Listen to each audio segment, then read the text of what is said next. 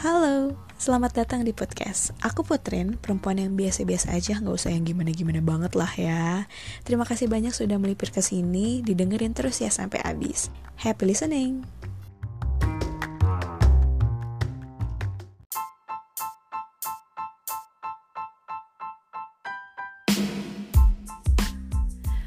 Semuanya, apa kabar? Semoga selalu dalam keadaan yang sehat dan baik-baik aja untuk semua para pemirsa podcast yang aku cintai dan aku banggakan gitu.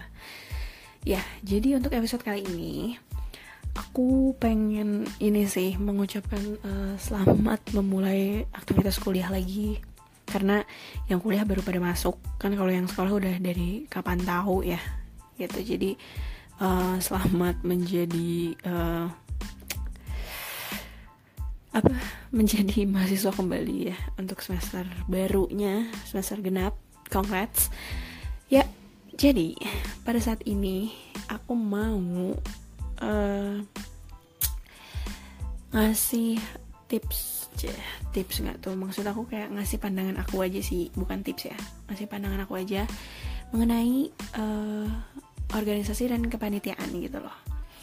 Why? Karena dulu gue sempet kayak pas waktu jadi maba gue sempet milih untuk jadi kupu-kupu alias kuliah pulang kuliah pulang dan gue sangat kayak ah, kayaknya gue bisa sih bahagia dan gue bisa bertumbuh kembang tanpa ikut organisasi dan kepanitiaan gitu loh jadi mungkin barangkali buat para uh, maba-maba yang bosan eh, yang bosen yang bingung apakah sekarang gue harus ngambil panitian ataupun organisasi atau enggak ya gitu. Atau ini juga bisa buat bisa dipakai buat para siswa-siswa ya gitu. Barangkali ada yang mendengarkan ini pas lagi masih menjadi siswa gitu. Mangga banget karena ini benar-benar uh, POV aku yang dulunya gue nggak suka banget sama uh, aktivitas aktivitas tersebut ya gitu.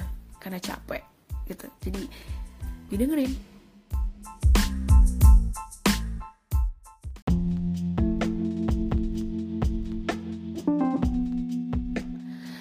jadi gue itu salah satu uh, orang yang dari sejak siswa gue nggak pernah ikutan ekstrakurikuler ataupun organisasi atau kayak osis atau MPK ya bener gak sih? MPK kan bener. Ya sebenarnya ada sih. Gue ikut uh, klub bahasa Inggris gitu. Cuman ya gue hilang-hilangan bener-bener ya gue nggak punya tanggung jawab aja sih gitu. Ya pokoknya gue nggak suka uh, ikut-ikutan kayak gitu. Karena yang pertama gue udah di, sering didoktrin sama orang tua gue kayak itu tuh capek nanti lu nggak fokus sama uh, kegiatan akademik gitu ya. Nanti lupa sama nilai kebanyakan main dan segala macem gitu ngapain lah gitu. Jadi uh, itu juga yang akhirnya membentuk gue ya udah gue ngapain ikutan gitu loh. Dan juga gue nggak punya tanggung jawab buktinya gue ikutan um, klub bahasa ini juga gue nggak nggak ini nggak komitmen gitu dengan diri gue dan si klub bahasa ini gitu loh. Sampai pada akhirnya gue kuliah yang di mana gue juga sempat sempat mikir tuh menimbang-nimbang dan bahkan gue juga research begitu research antara jadi kura-kura kuliah rapat kuliah rapat atau jadi kupu-kupu kuliah pulang kuliah pulang gitu loh gue research gue baca-baca artikel dan gue baca pengalaman-pengalaman orang apakah is that really necessary gitu loh buat jadi uh, mahasiswa kupu-kupu. Eh sorry kura-kura. Dan apakah menjadi mahasiswa kupu-kupu itu seburuk itu gitu. Uh, dan pilihan gue pada saat itu uh, gue memilih untuk jadi kupu-kupu gitu. Kuliah pulang kuliah pulang dan gue pengen uh, beraktivitas di luar aja gitu di luar kampus. Gue mau aktif di luar kampus gue mungkin pada saat itu mikirnya gue pengen bekerja paruh waktu dan uh, gue mau apa lagi ya gue pengen ikutan uh, komunitas di luar kayak gitu-gitu. Tapi nggak dilaksanain juga sama gue karena gue orangnya takutan. Ya itulah buruknya gue. Buruknya gue takutan jadi gue ya udah bener-bener gue cuma kuliah doang dan gue pada saat itu memilih jadi kupu-kupu juga karena gue ini apa uh, masih pengen beradaptasi dulu nih untuk satu semester ini gitu. Eh tahu-tahu kayak gue bingung harus ngapain dan gue nggak tahu apa-apa. Dan pada saat itu juga gue inget banget pas uh, gue nge-apply salah satu kepanitiaan terus juga gue disuruh bikin CV kreatif itu kayak gue nggak tahu tuh CV kreatif kayak apa. Parah banget gak sih gue jadi bener-bener gue nggak tahu gue bikin CV gue bikin CV yang bener-bener kayak ya udah bener-bener basic banget. Kayak CV zaman dulu pakai Word yang bener-bener kotak-kotak kotak-kotak kaku gitu. Jadi kayak oh my god it's not even kreatif gitu loh menurut gue gitu ya. Jadi uh, pada saat itu juga gue gagal jadi gue semakin kenceng lah tuh ya untuk keinginan gue nggak nggak jadi kura-kura ini gitu loh. Nah terus sampai pada akhirnya gue ngejalanin kuliah semester 2 eh semester 1 semester 2 masih fine. Masuk semester 3 itu gue agak sedikit gabut gitu ya. Gue nggak tahu harus ngapain gue harus gimana. Terus gue ngeliat teman-teman gue kayak oh my god mereka seru banget nih uh, ke sana ke sini kumpul sana sini. Dan gue juga dulu waktu itu bercita-cita untuk pengen kayak bisa nih gue uh, apa tuh uh, kayak jalan-jalan ke SMA SMA mempromosikan universitas gue gitu. Tapi pada sampai saat ini juga gue nggak nggak nggak melaksanakan itu sih. Jadi itu cuman kayak angan belaka aja sih gitu. Tapi dulu gue SMA mikirnya kayak gitu, gitu. Dan gue akhirnya kayak konsultasi lah sama temen gue apakah gue salah ya jadi kupu-kupu kayak gini? Gitu. Terus dia bilang nggak salah gitu. Tapi better kamu coba deh soalnya aku lagi ada di uh, kepanitiaan ini gue jadi petinggi ini lu coba aja daftar gitu lah akhirnya gue daftar tuh protes di semester di semester 3 gue mengingkari kupu-kupu komitmen kupu-kupu gue itu. Dan ternyata itulah lingkungan pertama gue organisasi eh enggak kepanitiaan benar-benar yang pertama banget dalam sejarah kehidupan gue dan di kehidupan perkuliahan gue. Ya ternyata seru banget dan gue pada saat itu juga ngambil humas hubungan masyarakat. Dan di mana gue harus menuntut eh salah gue harus dituntut untuk kayak lu komunikasi. Sedangkan kan gue pada saat itu juga kuliah di rumah dan benar-benar komunikasinya uh, minim banget gue sangat menghindari kontak fisik dan ketemuan sama teman-teman ataupun orang-orang gitu ya secara uh, luring gitu. Gue menghindari hal itu. Jadi gue cuman ngobrol sama orang tua gue terus juga sama kakak gue terus sama ya udah pas lagi kelas gitu. Itu pun ngobrol juga depan laptop. Jadi kan anggapannya kayak gue ngobrol sama laptop gitu. Dan ya pokoknya skill komunikasi gue benar-benar minim pada saat itu tapi gue masuk humas Nah, sekarang gue mau menceritakan sih benefit-benefit apa aja yang gue dapat selama gue berkecimpung di dunia yang seperti itu.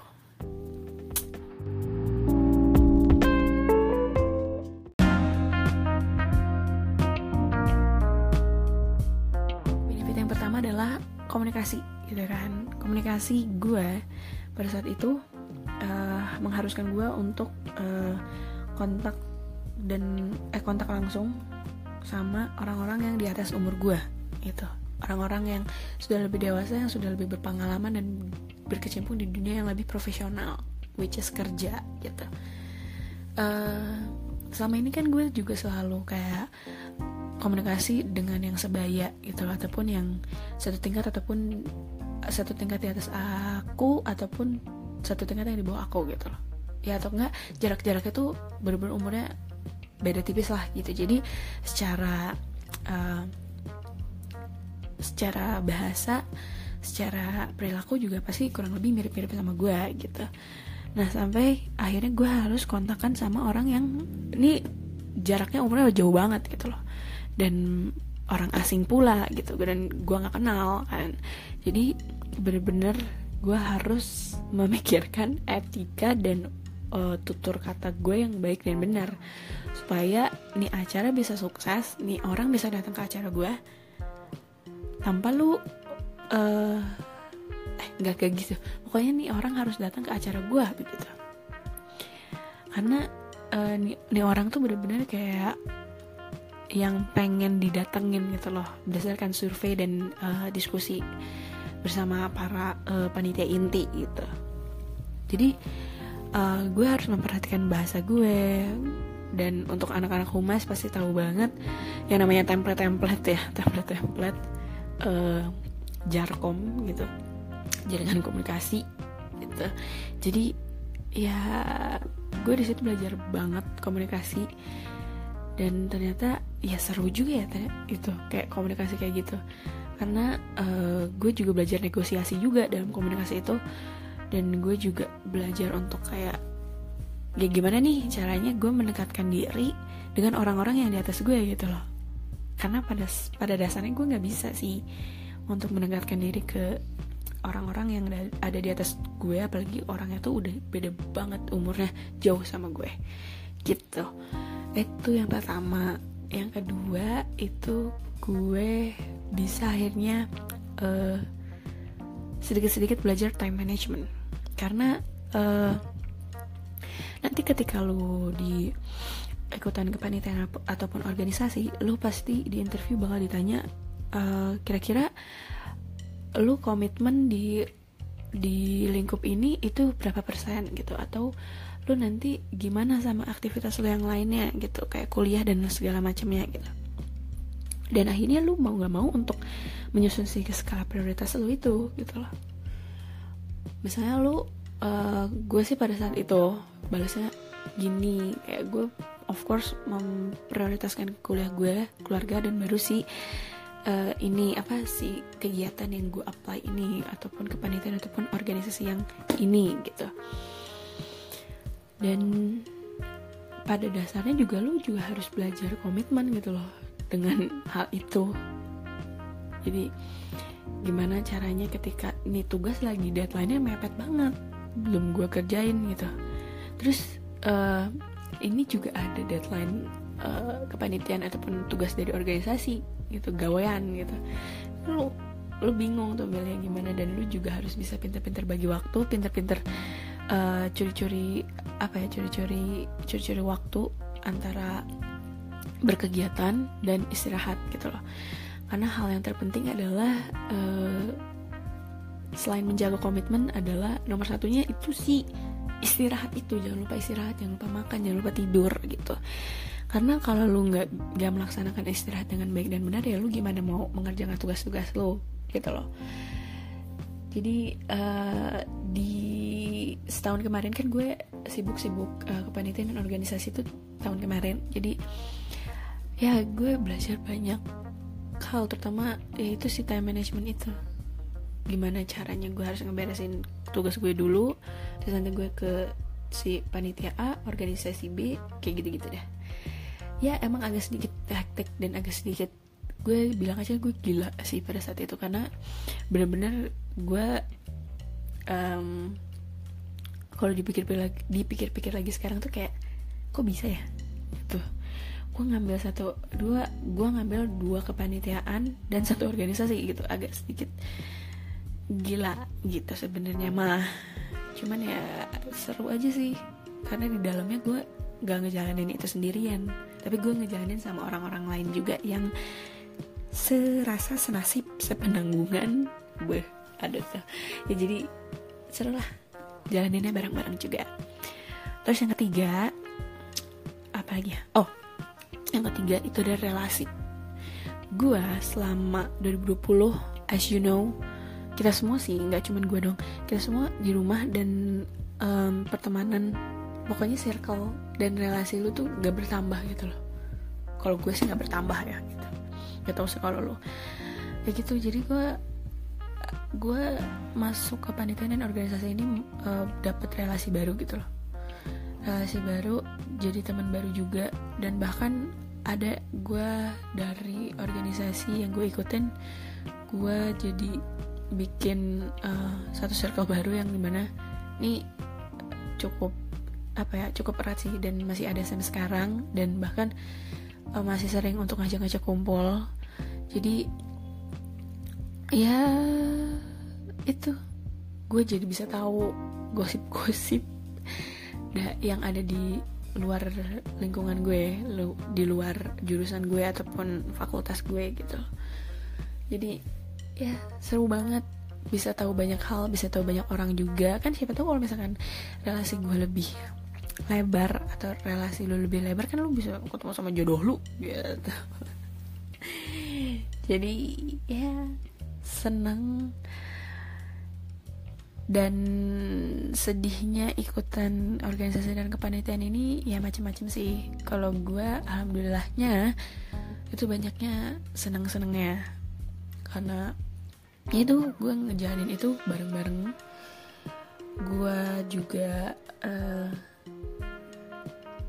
apa ya gue jadi dapat skill yang macam-macam lagi juga gitu loh. Team working terus juga apalagi negotiation terus apalagi critical thinking kayak gitu-gitu tuh sangat amatlah berguna. Dan gue sangat menyarankan buat orang-orang lu ambil dah kesibukan itu gitu loh. Karena ya itu bagus juga buat lo karena lo pasti membutuhkan suatu hal pelajaran baru skill baru di luar uh, jurusan yang lo ambil gitu loh. Dan itu berguna banget buat masa depan lo nanti di kerjaan gitu.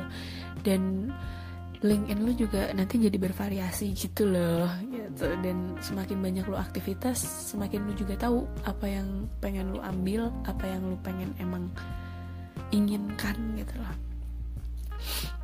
Jadi ya semoga dengan ikutnya organisasi ataupun kepanitiaan tuh bisa membuat langkah lo lebih jelas aja gitu. Mau ke mana arahnya gitu. Jadi gue saranin buat para maba ataupun mahasiswa yang ataupun siswa ya yang masih bingung apakah gue harus uh, mengambil kepanitiaan ataupun organisasi atau enggak gitu kan.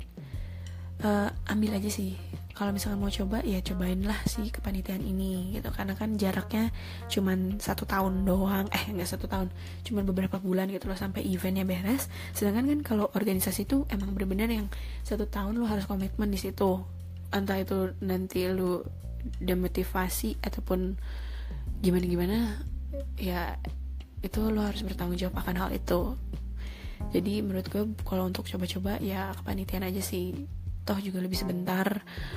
Lu bisa um, apa ya nggak harus terikat selama satu tahun juga. Jadi menurut gue bisa jauh lebih ini sih jauh lebih cepet kalau eh jauh lebih ya lo jauh lebih cepet kalau misalkan lo mau cari yang cepet-cepet gitu. Tapi intensitasnya juga pekerjaannya lebih lebih lebih kenceng juga sih menurut gue karena ya lu harus uh, mengumpulkan target sekian di waktu misalnya kayak cuma enam bulan gitu loh.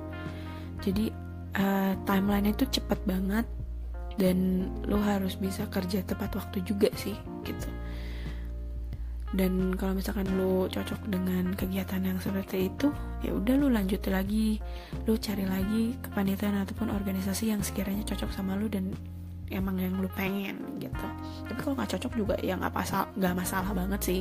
Toh juga jadi kurang eh kurang kurang jadi kuliah pulang kuliah pulang tuh nggak ada yang salahnya juga. Lu juga masih bisa cari hal-hal yang luar biasa di luar sana gitu ya. Jadi seenggaknya lu sama orang-orang yang si uh, orang-orang kupu-kupu ini eh sorry kura-kura ini bisa setara gitu loh.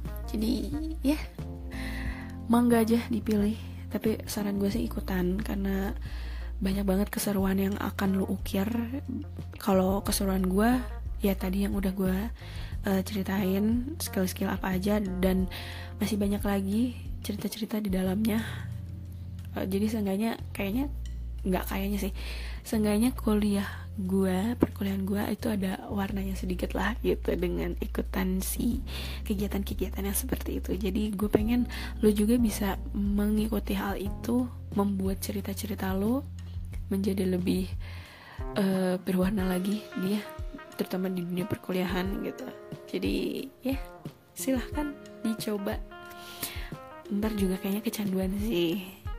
Tapi ya ingat academic is number one and your uh, and your healthiness healthiness gitu ya your condition is number one juga jadi jangan lupa istirahat jangan lupa makan jangan lupa tidur jangan lupa uh, untuk sering-sering kayak berterima kasih sama diri sendiri juga karena ikutan yang kayak gitu juga menyerap banyak energi jadi ya make sure kalian benar-benar menjaga diri kalian sendiri gitu.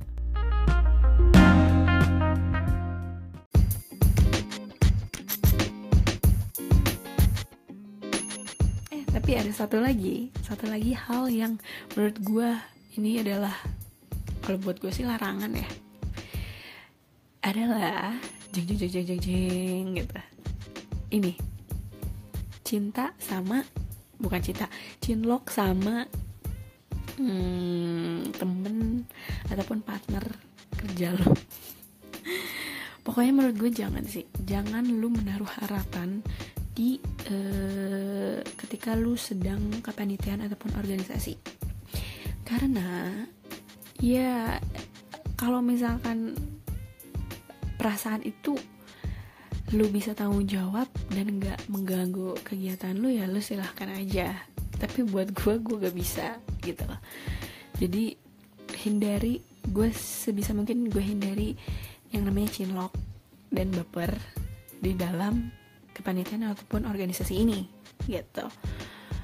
Karena uh, gue masih butuh eh, orang-orang uh, ini untuk pekerjaan gue gitu ya sampai akhir. Gue butuh ke profesionalitasan orang-orang ini untuk mendukung pekerjaan gue. Dan gue takut ketika gue nanti melibatkan perasaan gue mungkin gue aja bisa bisa bisa ngehandle gitu ya tapi gue belum tahu nih orang bisa ngehandle juga nggak gitu.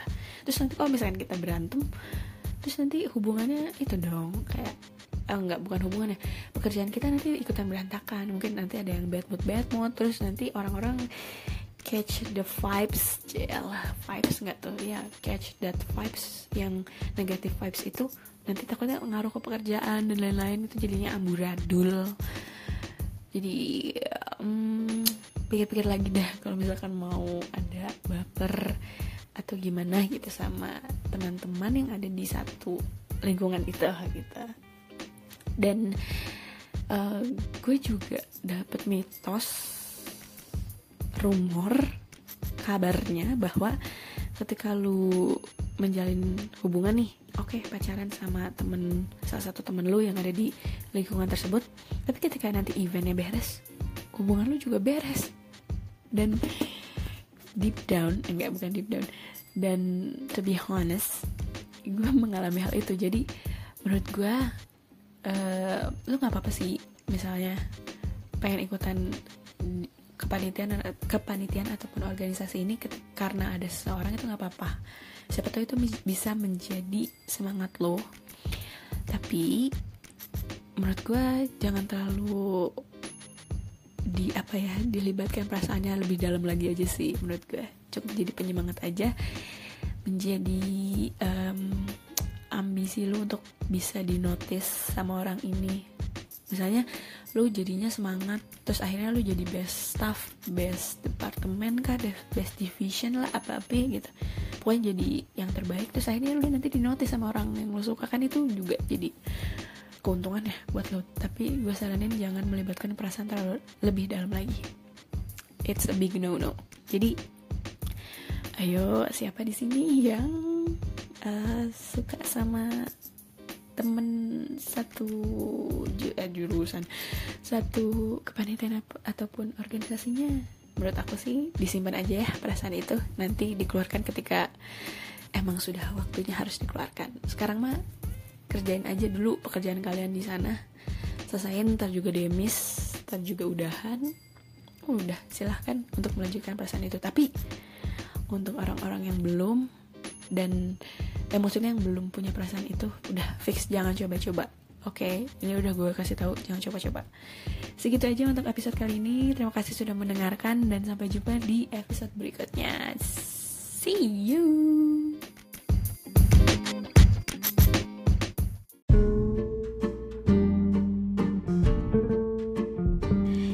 Widih, beneran didengerin sampai abis nih. Makasih banyak ya. I hope you guys like this episode dan jangan lupa untuk datang lagi di episode berikutnya ya. See you.